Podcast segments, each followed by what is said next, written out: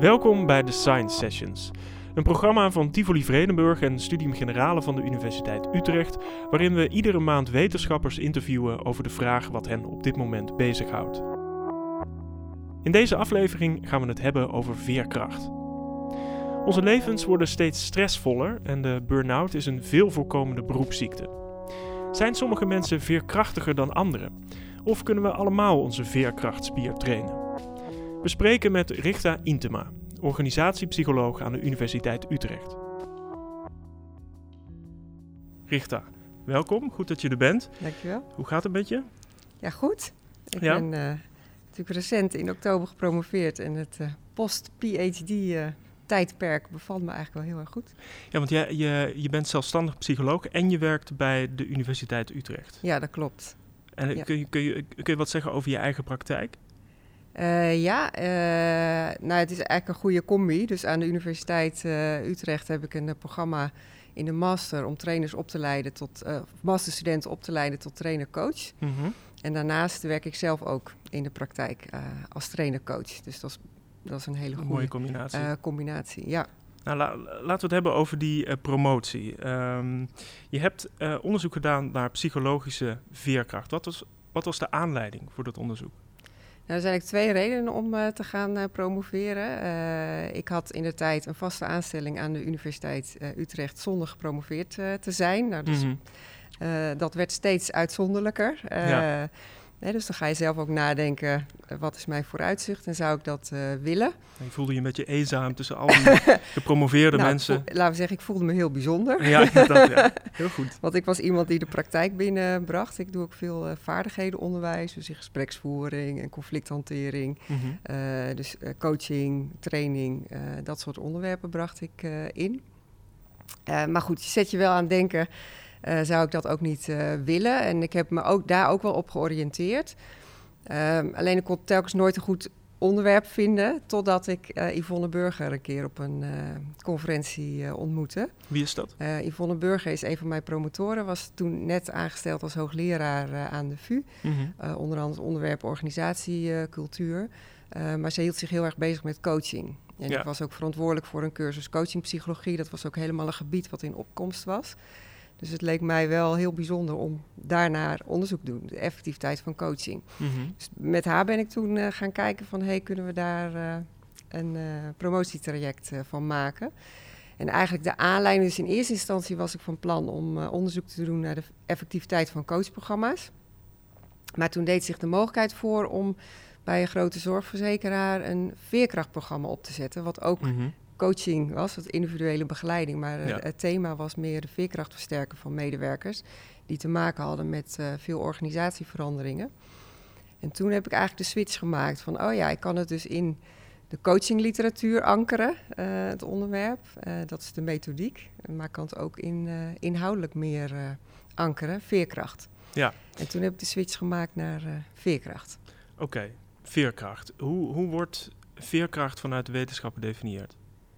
Ehm, ja, ik, ik richt me dus op psychologische veerkracht, Ja. want je hebt heel veel soorten eh, veerkracht. Hè. Je kan het ook op organisatieniveau of op teamniveau. Of een eh, samenleving bijvoorbeeld? of van samenleving of ecologisch of disaster resilience, naar rampen bijvoorbeeld. Dus op heel veel vlakken wordt er gekeken naar veerkracht, van gezinnen ook. eh. Ja. Ik kijk naar psychologische veerkracht in dan de organisatiecontext. en als je daarnaar kijkt, ehm, daar is eigenlijk sinds nou 2000 of zo is daar wat belangstelling eh, voor gekomen. Daarvoor waren eigenlijk ontwikkelingspsychologen met name bezig eh, met veerkracht. En zij eh, waren geïnteresseerd in de vraag: hoe kan het nou dat sommige kinderen die onder hele slechte omstandigheden opgroeien, hoe kan het nou dat die toch heel goed doen als volwassenen? Ja, En dat is eigenlijk de centrale vraag in veerkrachtonderzoek, in psychologische veerkracht. Eh, hoe kan het nou dat de een, als die geconfronteerd wordt met lastige situaties, stressvolle situaties, dat de een het beter doet eh, als de ander? ja. Eh, en zij hebben eigenlijk eh, ehm, op veel verschillende manieren dat begrip benaderd. En dat kan ik misschien ook wel even uitleggen. ja, ja je hebt inderdaad borden Ja, wat, meegenomen Ja. Om te ter kijken verduidelijking. hoe- oh, nou vallen de andere borden, maar die Dat pakken we komt zo helemaal goed. eh, eventjes. Ehm, als je naar deze uh, tekening kijkt, heel bazaal, wat is nou veerkracht? Dan moet je gewoon naar deze situatie krijgen. De, de, de meest simpele definitie is dat jij je kan aanpassen of adaptatie aan een stressor. Wat is een stressor? Uh, een stressor is een stressvolle situatie. En dat kan van alles zijn op het werk. Uh, hè, bijvoorbeeld dat je ontslagen wordt. Dat is behoorlijk uh, stressvol voor heel veel mensen. Ja. Maar het kan ook een ruzie met een uh, collega zijn of een negatieve beoordeling. Dus er kunnen allerlei situaties zich op het werk voordoen. Ja. stressvolle situatie. En hoe kan het dus dat sommige mensen zich daaraan aanpassen of niet? En ontwikkelingspsychologen dachten in eerste instantie dat dat kwam. Dat het gewoon mensen, de ene mens de eigenschap veerkracht had en de andere persoon niet. Dus dat de een was, is in staat om dat te doen en de ander niet. Dus je was je gewoon... hebt het, je wordt ermee geboren en als je het niet hebt, dan heb je pech. Ja, jammer dan. Ja, jammer dan. Maar uh, gelukkig uh, bleek dat al heel gauw uit onderzoek dat dat geen haalbare hypothese was. Mm -hmm. En toen heeft men het ook nog op verschillende andere manieren uh, benaderd. En ze dachten van nou, wat ook zou kunnen, is dat het de uitkomst is uh, van het adaptatieproces. Dus, uh, dus dat ze zeggen, nou, het is, het is alleen dit. Mm -hmm. Het is niet de eigenschap, want als het een eigenschap is, dan is deze relatie, dan heb je het of je hebt het niet. Ja. Maar het is puur en alleen de uitkomst. Ja. Nou, wat daar een beetje het probleem van is, is dat, dat er ook gewoon al onderzoek is naar adaptatie. Dit is al een begrip op zich. Ja. Uh, dus waarom zou dat veerkracht zijn? Ja. Uh, want het begrip bestaat al los van uh, veerkracht. Ja. Dus dat is de Precies. twee. Aanpassing is iets anders dan veerkracht, zeg je eigenlijk. Ja, dan, dan werd er gezegd, de aanpassing is de veerkracht. Ja. Dus de, nou ja, of de mensen die dan positief eruit kwamen, dus positieve adaptatie, dat was dan veerkracht. Ja. Maar daar is dus ook weer kritiek op gekomen van, nou ja, dat hebben we eigenlijk wel, dat begrip. Uh, toen is men er weer anders naar gaan kijken. Zei van nou, maar misschien zijn het wel allerlei hulpbronnen die mensen hebben die van invloed zijn op dit uh, proces. Ja. En dat bleek ook, hè, er was niet een rechtstreekse relatie dat als iemand een stressvolle situatie meemaakte, dat er ook automatisch leidde uh, naar adaptatie. Nou, toen is men naar de hulpbronnenbenadering uh, gaan kijken, die van invloed zijn. Maar toen zei men, veerkracht is eigenlijk alleen een hele verzameling van allerlei verschillende soorten hulpbronnen. Ja. En wat daar weer het probleem in is, de hulpbronnen waar je dan aan kan denken, dat is bijvoorbeeld optimisme of dat je gelooft in jezelf of hoopvol bent. Uh, ja, dus, dus, laten we nog even zo'n zo'n zo'n concreet voorbeeld nemen. Ja. Er is iemand op de werkvloer die wordt bijvoorbeeld ontslagen. Maar als die persoon al bepaalde hulpbronnen heeft, bijvoorbeeld optimisme, dan is die waarschijnlijk beter in staat om daarmee om te gaan. Ja, ja, of ze een bepaalde steun uit de omgeving ja. uh, heeft, die kan, uh, die kan daar beter uh, mee omgaan. Maar wat er dan gekeken werd, is dat eigenlijk gezegd werd: veerkracht is alleen die, hulp, die combinatie van hulpbronnen. Ja. En dan zie je dat het probleem is: ja, welke hulpbronnen dan precies? Want je hebt heel veel schalen die veerkracht meten, die een soort combinatie zijn van allerlei hulpbronnen die ze ja. meten. Maar de ene vragenlijst meet die combinatie en de andere lijst die combinatie. Dus dat was eigenlijk ook niet zo heel duidelijk. En we hebben gewoon het begrip optimisme al op zichzelf en hoop en geloof in eigen kunnen en steun. En waarom zou je dit dan veerkracht weer noemen? Ja. Uh, maar het kan toch ook een combinatie zijn van al die dingen. Ik, ik snap wel dat, dat ja. die begrippen er al zijn, maar het kan natuurlijk optimisme, maar ook aanpassing. Ja. Dus maar welke precieze combinatie is dat dan? En wat ja. je hier weer het probleem hebt als je alleen hier naar kijkt er is natuurlijk om te spreken van veerkracht, is er altijd een stressvolle situatie nodig. Ja. Uh, dus als je alleen hier naar kijkt, dan mis je dit gegeven. Ja. Uh, en, en dan lijkt het ook heel erg gewoon op welbevinden. Allerlei factoren waardoor ja. wij ons gewoon goed, gaan goed voelen. voelen. Dus ja. ik noem het ook wel, dit is bijna je psychologische uh, conditie. Dus allerlei factoren, net als dat we weten van, nou ja, wat moet je doen om goede fysieke conditie te hebben, weten we steeds meer wat je nodig hebt voor een goede psychologische conditie. Oké, okay, dus eigenlijk je gaat onderzoek doen naar, naar veerkracht. Je doet ook onderzoek naar uh, wat voor begrippen er eigenlijk al zijn. En je komt erachter, het klopt niet helemaal. Het is, het is nog niet ja. helemaal helder gedefinieerd. Nou, het, het klopt wel, alleen het, het, het, begrip evolueert door de tijd. Dus als wetenschappers, wij beginnen ook gewoon met een bepaalde vraag van, nou, en een hypothese. Ja. Stel nou dat het een eigenschap is. Ja.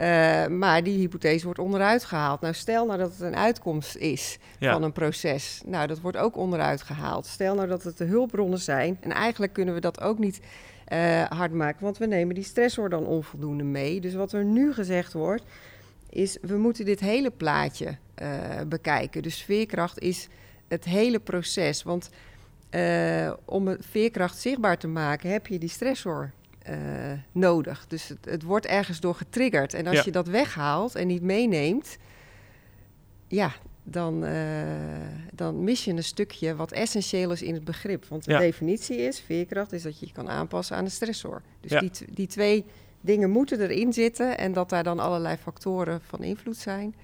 Um, Precies, dus, dus veerkracht is niet een eigenschap, het is niet een uitkomst, maar het is een proces. Ja, dat is uh, mijn benadering en dat zie je dus ook uit.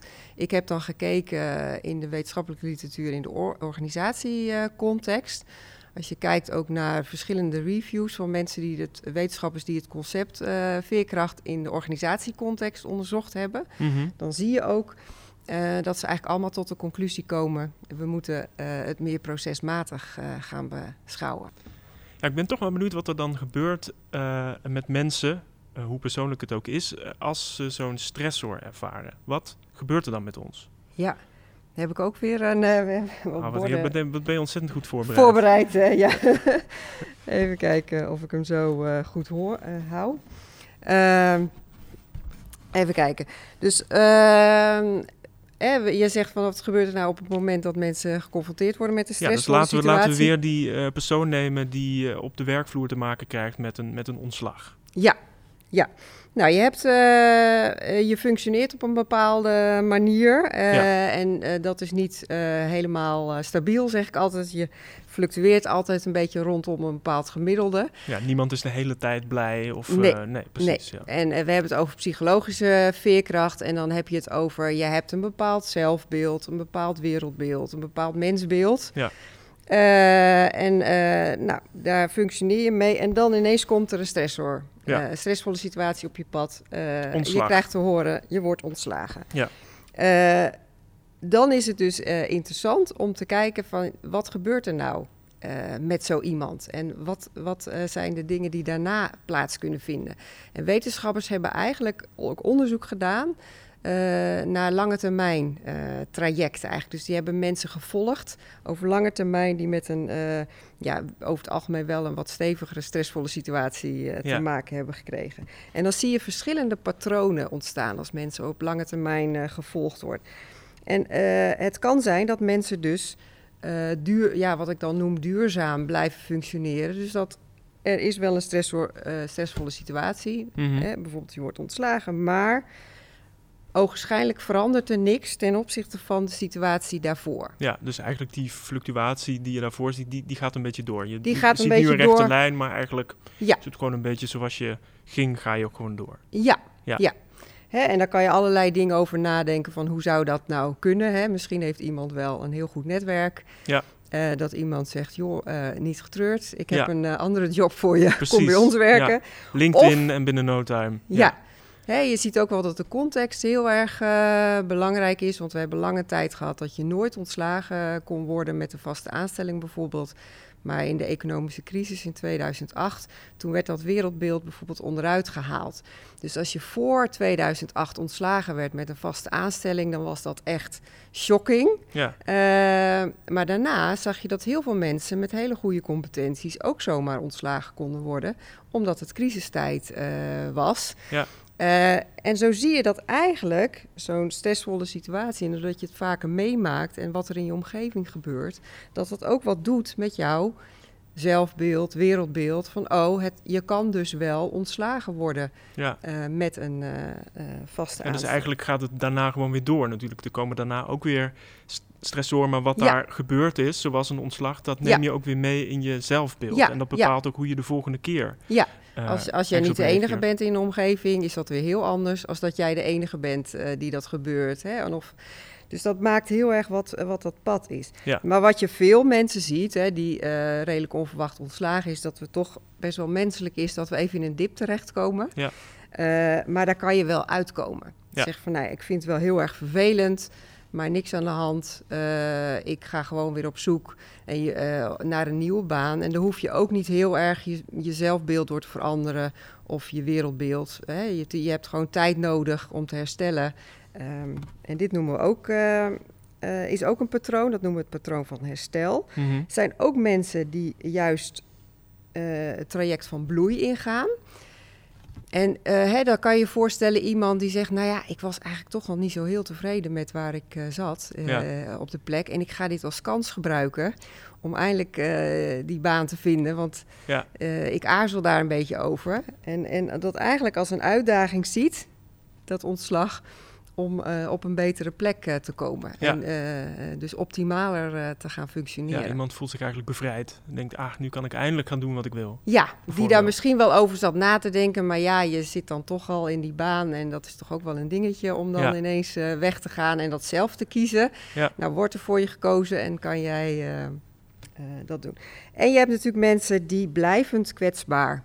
Eh, die zo eh, geraakt worden door de situatie en er niet meer eh, uitkomen. Mhm. Nou, dit zijn eigenlijk allerlei trajecten die in de wetenschap geobserveerd zijn over langere termijn. En wat wel weer heel grappig is, is dat daar dan weer discussie over is. Welke van deze lijnen is nou veerkracht en welke niet? Mhm. En er zijn wetenschappers die zeggen van nou, het is alleen veerkracht als je deze lijn volgt. Ja, Dan ben je als het ware weerbaar voor die eh, stressor. Maar er zijn ook wetenschappers die zeggen nee, het is deze. alleen komt het moment van veerkracht daar misschien later. Ja. Ja. Ja. Hè, maar dit is, hè, dit is juist het terugveren, bouncing back in het Engels. Maar er zijn ook mensen die zeggen, ja, maar de- dit moet je ook niet onderschatten. Hè? Ja. Dit is ook wat topsporters eigenlijk doen. Hè? Die zoeken Ja. bijna de stressvolle situaties op Ja, om eh, zichzelf uit te dagen en elke keer een stapje verder eh, te komen.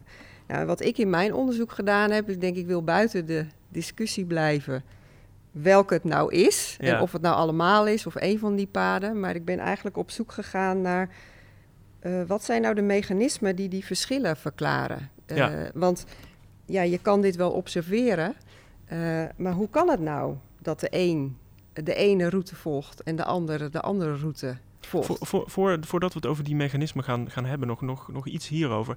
Kun je iets zeggen over hoeveel mensen per categorie zijn? Het, zeg maar, is, is, zijn, zijn meer mensen duurzaam? Hebben meer mensen duurzame veerkracht? Is het, eh, hebben de meeste mensen eigenlijk soort van die, die, die herstellijn? Of wat, wat zie je eigenlijk voornamelijk in de Ja. maatschappij? Of kun je daar eigenlijk niet zo Nou, er is bijvoorbeeld wel veel onderzoek onder militairen of me- mensen die hè, met, eh, in een beroepssituatie zitten waar ze met behoorlijk veel eh, lastige situaties eh, geconfronteerd worden. En dan kennen we natuurlijk wel de posttraumatische stressstoornis. En dan weet je iets ook over posttraumatische groei. Mhm. En dat zijn eigenlijk de uitersten. Ze zeggen er is een soort normaalverdeling. ja. Hè, dat je een categorie eh, van 20% hebt die echt eh, trauma's ontwikkelt, maar ook mensen die er beter uitkomen. Ja. En je hebt een hele grote tussencategorie. Eh, dus ja, Ja, Dat, precies. maar het is, het, is, het is lastig om dat over de Nederlandse bevolking te, te zeggen. Zoveel procent zit bij die lijn en zoveel. Dat is, Ja. dat is eigenlijk heel moeilijk om te doen. ja, Oké, laat, laten we het over die mechanismen hebben. Want je zegt, dit is niet heel erg... Nou ja, dit, dit is belangrijk, een goede kennis. Maar hier kom je nog niet heel veel verder mee... als je eh, erachter wil komen hoe veerkracht precies werkt. Nou ja, wij willen graag de mechanismes hebben dat we het kunnen verklaren. We kunnen het wel observeren, Ja. maar we willen natuurlijk weten van, eh, hè, en ook als je het hebt over hoe kunnen we het nou versterken. Ja. Eh, als we weten wat de mechanismes zijn, dan eh, ehm, ja, kunnen we er misschien ook invloed op uitoefenen op dat Precies. proces. En, en in jouw onderzoek heb je, heb je een aantal van die mechanismen geïdentificeerd. Wat, Ja. wat zijn die mechanismen? Ja, nou wat ik eigenlijk gekeken, wat gebeurt er nou op het moment? eh, en dan heb ik eigenlijk deze twee afgezet tegen die.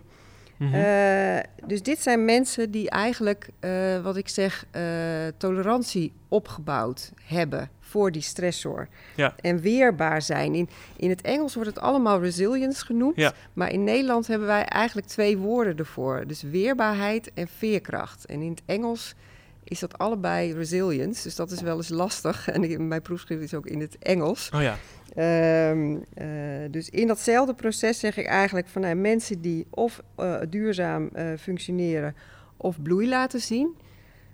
die twee mensen hebben als het ware tolerantie opgebouwd voor die stressvolle situatie. Maar dat doe je niet in het moment. Dat heb je dus vooraf al opgebouwd. ja. En het is dat- toch een soort van eigenschap eigenlijk. Die Nou, nee, het is door ervaring. Ja. Eh, bijvoorbeeld met een stressvolle situatie. Uh, of dat je al een bepaalde mindset hebt meegekregen van huis uit. Uh, waardoor je, uh, of vanuit de omgeving, waardoor je in staat bent om weerbaar te zijn tegen die situatie. Ja.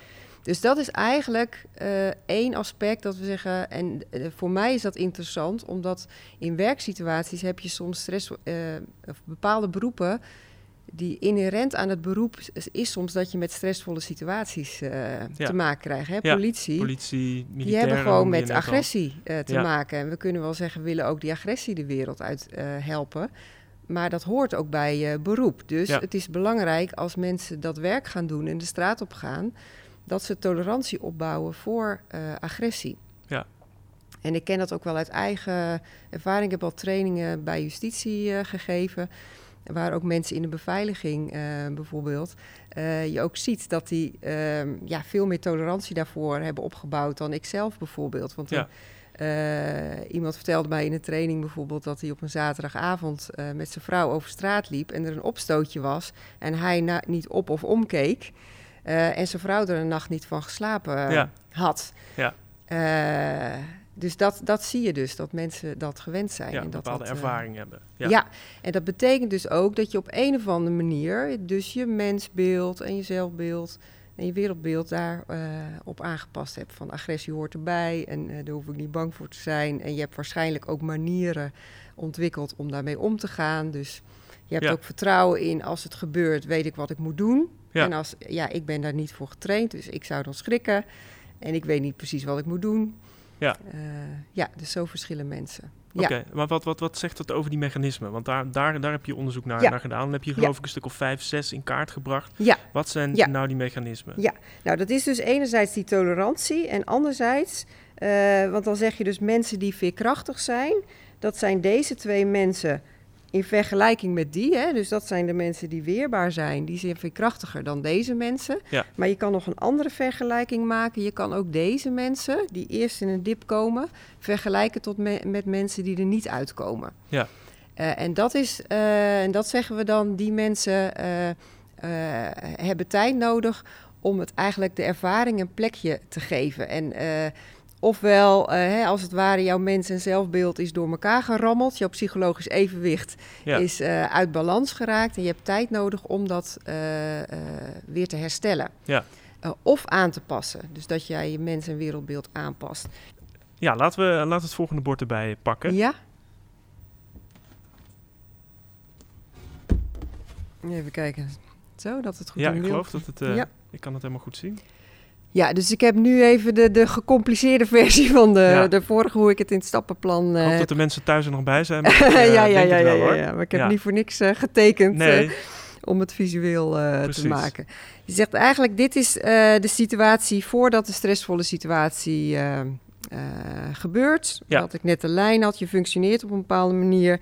En dan heb je zo'n eh, factor die ineens op je pad komt. De stressvolle stressor, situatie. Je ja. wordt ontslagen, je hebt een ruzie Ja. met je collega, et cetera. Nou, wat is dan je eerste? Dus eh, de eerste reactie kan zijn: je laat dus zien dat je tolerantie hebt opgebouwd voor die stressor. doet me niks. In Nederlands doen we het weerbaar. Ja. Waarschijnlijk functioneer je verder. Maar alsnog moet je nog wel dat een plekje geven. Hè, want het is wel weer een nieuwe ervaring. Die moet je altijd, eh, neem je die weer op in jouw ervaringssysteem. Hè? Eh, Ja. eh, hè, dus als jij een bepaald wereldbeeld hebt en dat wordt bevestigd. hè, ik blijf functioneren, ik ben weerbaar. Eh, dan neem je dat op in je geheugen. Ja. En gebruik je dat weer voor de vorige, eh, volgende keer. En dat is eigenlijk het narratief Ja, het eh, verhaal wat jij constant construeert op grond van je over jezelf en over wie je, wie je over bent. jezelf, over wie je bent. En al je ervaringen, die moet je ofwel een plekje geven in het bestaande verhaal wat je geconstrueerd hebt. Of als dat niet past, moet je je verhaal aanpassen. Kun, je- kun je daar een voorbeeld van, van, van geven voor de persoon wie, eh, wie, wie Ja. die, die, die ontslagen wordt? Ja, of misschien is een ander voorbeeld over. Ik heb ook onderzoek gedaan dus, hè, bij eh, mensen die met eh, organisatieverandering te maken hebben. Je kan je voorstellen dat heel veel mensen naar een organisatieverandering kijken van nou, oké, eh daar moeten we even doorheen, maar daarna wordt het weer rustig. Ja. Dat kan je als een ook een soort soort van narratieve lijn. ja, dus dat kan je als een soort beeld hebben. En Ja. dan gebeurt die eh, eh, stressvolle situatie. Maar in dit geval was het dat de, de veranderingen elkaar opvolgden. Dus Ja. het was niet één verandering, het waren Nee. wel drie. En de, die was, de een was nog niet klaar of de volgende, Volgende kwam er alweer ja. aan. Dan is het heel moeilijk volhouden. eh, dat het daarna wel weer rustig wordt. Ja. En eigenlijk zien we, we leven nu in een tijd dat verandering bijna het nieuwe normaal is in organisaties. Want het een is nog niet geweest, Mhm. of je hebt een reorganisatie, maar dan wordt er wel weer een nieuw ICT-systeem eh, ingevoerd en dan eh, moet er weer wat anders. Ehm, dus eigenlijk een veerkrachtiger narratief is: eh, verandering is normaal, dat hoort erbij en ik moet hè, me constant aan die verandering blijven aanpassen. Maar als jij Ja. denkt dat het nog rustig wordt, eh, dan eh, kan je daar behoorlijk last van hebben, want die rust komt maar niet. Nee, nee. Eh, dus dat, dat is eigenlijk zo'n route die je kan doen. Dus enerzijds heb je mensen die dus zeggen van... nou, ik had dus al dat idee vooraf van hè, verandering hoort erbij... en er komt weer een verandering aan. Oh ja, ik, Ja. ik heb daar tolerantie voor. Ik geef dat weer een plekje. makkelijk plaatsen. En ik kan verder functioneren. Eh, maar er zijn ook mensen die eh, zeggen van nou, het wordt daarna weer rustig en dan wordt het niet rustig. Eh, en dan ga je, kom je in een dip terecht. ja, En dan moet je wel weer herstellen. En dan over het algemeen, als je dus blijkt, en daarom is het ook zo belangrijk om met je beide ogen, je ogen open te houden en goed om je heen te kijken. Hoe is de, zit de wereld in elkaar en ben ik nog aangepast op de wereld? Ja. Eh, dat je dat constant blijft onderzoeken en jezelf ook eh, afvraagt van zijn de dingen die ik bedacht heb, kloppen die nog wel? En dat is natuurlijk een van de dingen wat we nu speelt met COVID. Eh, dat wij we nooit bedacht hadden vorig jaar dat we allemaal zoveel thuis zouden werken, dat we met mondkapjes op moesten, sociale afstand en dergelijke moesten hebben. Dus hier zie je ook dat we ehm, ja, dat eigenlijk helemaal niet in ons eh, in ons mensen. en systeem hadden, Ja. hadden en in ons verhaal. Misschien wel hè, mensen op de IC, dat ze weten hè, in de gezondheidszorg of overheid, zou misschien wel eens in scenario's denken: het zou kunnen dat we een keer met een pandemie te maken hebben. Maar de gemiddelde Nederlander is daar natuurlijk niet mee bezig. Dat is zo uitzonderlijk. Ja, Eh, dat wij behoorlijk eh eh, geshaked zijn wat dat betreft Ja, ja, in psychologisch on- eh, opzicht. Van wow, wat. Ze hebben allemaal eigenlijk weer een nieuwe tolerantie moeten opbouwen voor een, voor een nieuwe, nieuwe situatie. Ja, maar wat het lastige is, is dat dit niet zomaar één stressor is. Want wat ik zeg, dit model moet je eigenlijk bekijken... dat voor elke specifieke stressor apart. En eh, de, de situatie waar we nu in zitten, de, de corona, dat is een crisis. Ja, Die enerzijds is het gewoon één stressor, de ziekte zelf. Hè? Krijg Ja, ik corona of niet? Ja, Hè, dat kan dus ook. Een lichamelijke ziekte doet ook iets met je psychologisch eh, systeem. Of als je een ongeluk krijgt en een arm moet missen of eh, een hand niet meer zou kunnen gebruiken, dat doet iets met je. Maar de, de, de COVID-situatie, dat gaat voor restauranthouders ook gepaard met... Wow, eh, ik moet mijn deur ineens sluiten. Ik moet mijn restaurant anders inrichten. Eh, dreigend faillissement eh, misschien wel. Eh, Ja. Voor mij als docent, ik moet ineens thuis lesgeven. Dus er zijn allerlei soorten stressoren die daar aanhangen. ja, en het is eigenlijk een chaos. We worden constant gebombardeerd met dingen. We hebben de ene nog niet gehad. Eh, of het andere doet zich alweer voor. maar dan is het toch bijna onmogelijk om eentje zo te isoleren. Omdat al die, die stressoren, die, die hangen toch ook met elkaar samen. En zeker hoe we ermee mee omgaan natuurlijk. Ja, ja. En dat is natuurlijk ook het lastige. Dat zijn hele persoonlijke Ja, eh, processen die dan. eh, ja en dat, is, spelen, dat ja. is misschien ook waarom je ook die, die persoonlijke hulpbronnen en die Ja. omgevingshulpbronnen hebt neergezet. Omdat het natuurlijk voor iedereen persoonlijk nou, heeft andere bagage die hij of zij meeneemt ja, eh, ja. naar zo'n situatie. Ja, op dit hele proces zijn eigenlijk allerlei hulpbronnen van invloed eh, die, eh, die dit proces kunnen versnellen of vertragen. Ja, en eigenlijk zeg ik, het is goed voor jezelf om wel dingen te gaan isoleren. In de zin dat je na gaat denken over, ja, hoe denk ik nou eigenlijk over zo'n situatie? Hè? Want even dat voorbeeld van thuiswerken bijvoorbeeld. Ik ben iemand die al gewend was voor de situatie van corona om thuis te werken. Ik heb een eigen werkplek, eh, Mhm. goede faciliteiten voor thuiswerken. ja, Maar dat zijn natuurlijk mensen die heel klein behuisd zijn met kinderen.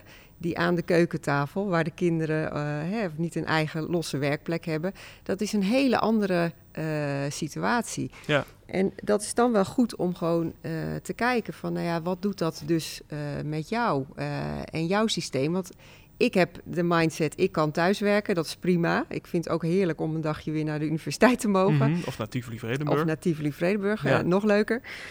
Uh, dus dat, zou, dat is heel fijn. Maar de, de, voor iemand anders is dat heel moeilijk. Hoe ga je nou in, uh, als je klein behuisd bent en niet een eigen werkplek hebt...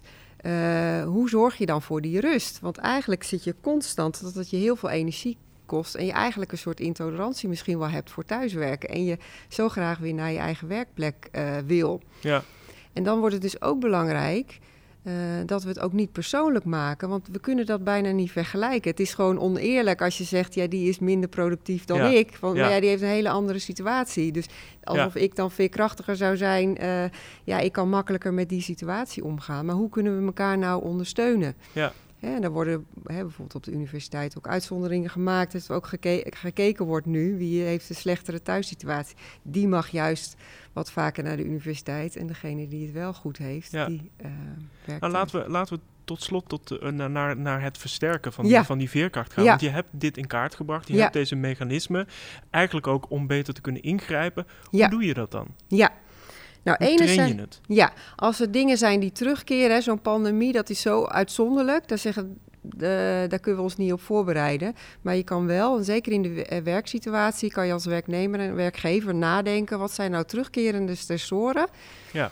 En zijn eh, de mensen die bij ons werken, daar, hebben die daar, zijn die daar weerbaar voor? En wat doen we daar eigenlijk voor? Ja. Hebben we daar trainingsprogramma's voor? Is daar extra coaching voor nodig, et cetera? Of kunnen we elkaar daar eh, beter bij helpen? Ja. En dan ben je dus bezig om dingen die terugkeren, om te zorgen dat je daar goed eh, tegen kan. Ja.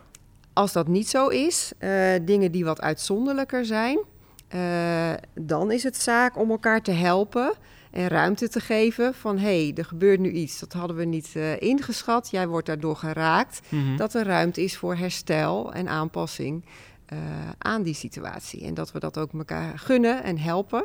Ja. Eh, en daar kan de omgeving dus ook heel erg een rol bij Dus spelen. familie, vrienden, dat Ja. ze natuurlijk ook mee, Ja. mee kunnen helpen. Ja, het Maar- maar- mooiste is in het eigen netwerk het op te lossen. Ja, Maar je, je, kunt die, die veerkracht dus een beetje trainen. Maar, dus je, en, je, en je, en je noemt wel een aantal momenten waar je, waar je dat kan doen. Maar hoe dan? Wat, hoe, hoe kun je die, nou, laten we zeggen, die veerkrachtspier sterker maken? ja. Nou, als het gaat om dingen die terugkomen, dan, dan kan je dus heel erg kijken. Want het is natuurlijk zo dat er ook weer een lijn gaat van de uitkomst naar de nieuwe situatie. Ja. Want alles wat jij ervaren hebt met een bepaalde stressvolle situatie, dat sla je weer op. Ja. En dat beïnvloedt de ontmoeting met een vergelijkbare stressor in de toekomst. Dus je kan eens naar, terug gaan denken: heb ik dit eigenlijk wel eerder meegemaakt? Dus een stukje reflectie. Ja. Hoe ben ik er toen mee omgegaan?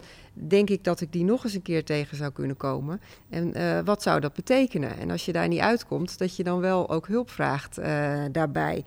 Heel mooi is op dit moment dat we natuurlijk heel veel ook eh, via computerprogramma's dingen kunnen simuleren. Mhm. Eh, hè, dat doen we in de vliegtuigenindustrie bijvoorbeeld. Allerlei scenario's kan je uitspelen via... eh, piloten kunnen dat via simulaties uitspelen. Maar dat is niet alleen maar daar. je ziet dat voor steeds meer toepassingen... dat we mensen kunnen trainen via simulaties... om met een bepaalde stressvolle situatie eh, om te gaan. Ja. Dus dat is Nou ja, het allemaal is natuurlijk een beetje gek om, om bijvoorbeeld op een, op een ontslag bijvoorbeeld in een, in een eh, simulatie te gaan oefenen natuurlijk. Nee, maar er zijn, eh, hè, je kan wel nadenken over, hey, zou, me dat, zou dat voor kunnen komen? Maar als, Ja. je, als dat eigenlijk, hè, zoals toen bij de economische crisis in 2008, ja, toen was het zo nieuw dat je hè, met een vaste aanstelling ontslagen kon worden. Dus je kan wel alles proberen te ondervangen, maar Ja. soms komen er gewoon dingen op je pad en daar moet je mee dealen. Dus dat Ja. we ook doorkrijgen, eh, we zijn kwetsbaar, er kunnen dingen gebeuren.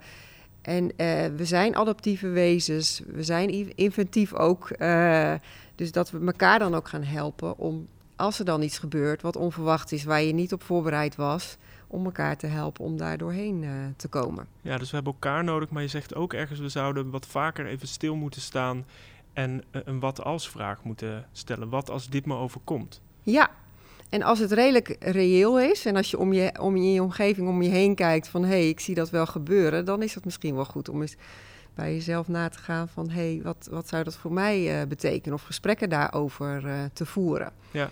uh, met elkaar. Ja. ja. Wat, is het, wat is het belangrijkste inzicht uit je onderzoek? Nou ja, wat ik wel mooi vind, ik heb ook over dat woord nagedacht, veerkracht. Hè, want dat, de, de, bij die kracht denk je ook heel vaak aan dat het persoonlijk is. Maar ik zeg, het is eigenlijk de kracht die je hebt gekregen van je voorouders, via je genen. Mhm. Het is de kracht die je krijgt vanuit je omgeving. En het is de kracht die je zelf opbouwt vanuit je eigen ervaringen uh, in je leven.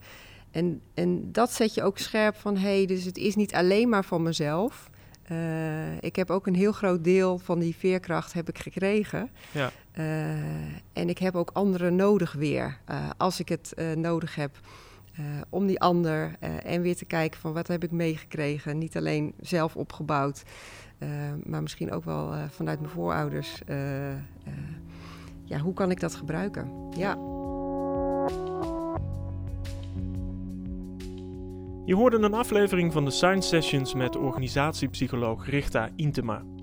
Benieuwd naar meer afleveringen? Ga naar sg.uu.nl/podcast of abonneer je op je favoriete platform.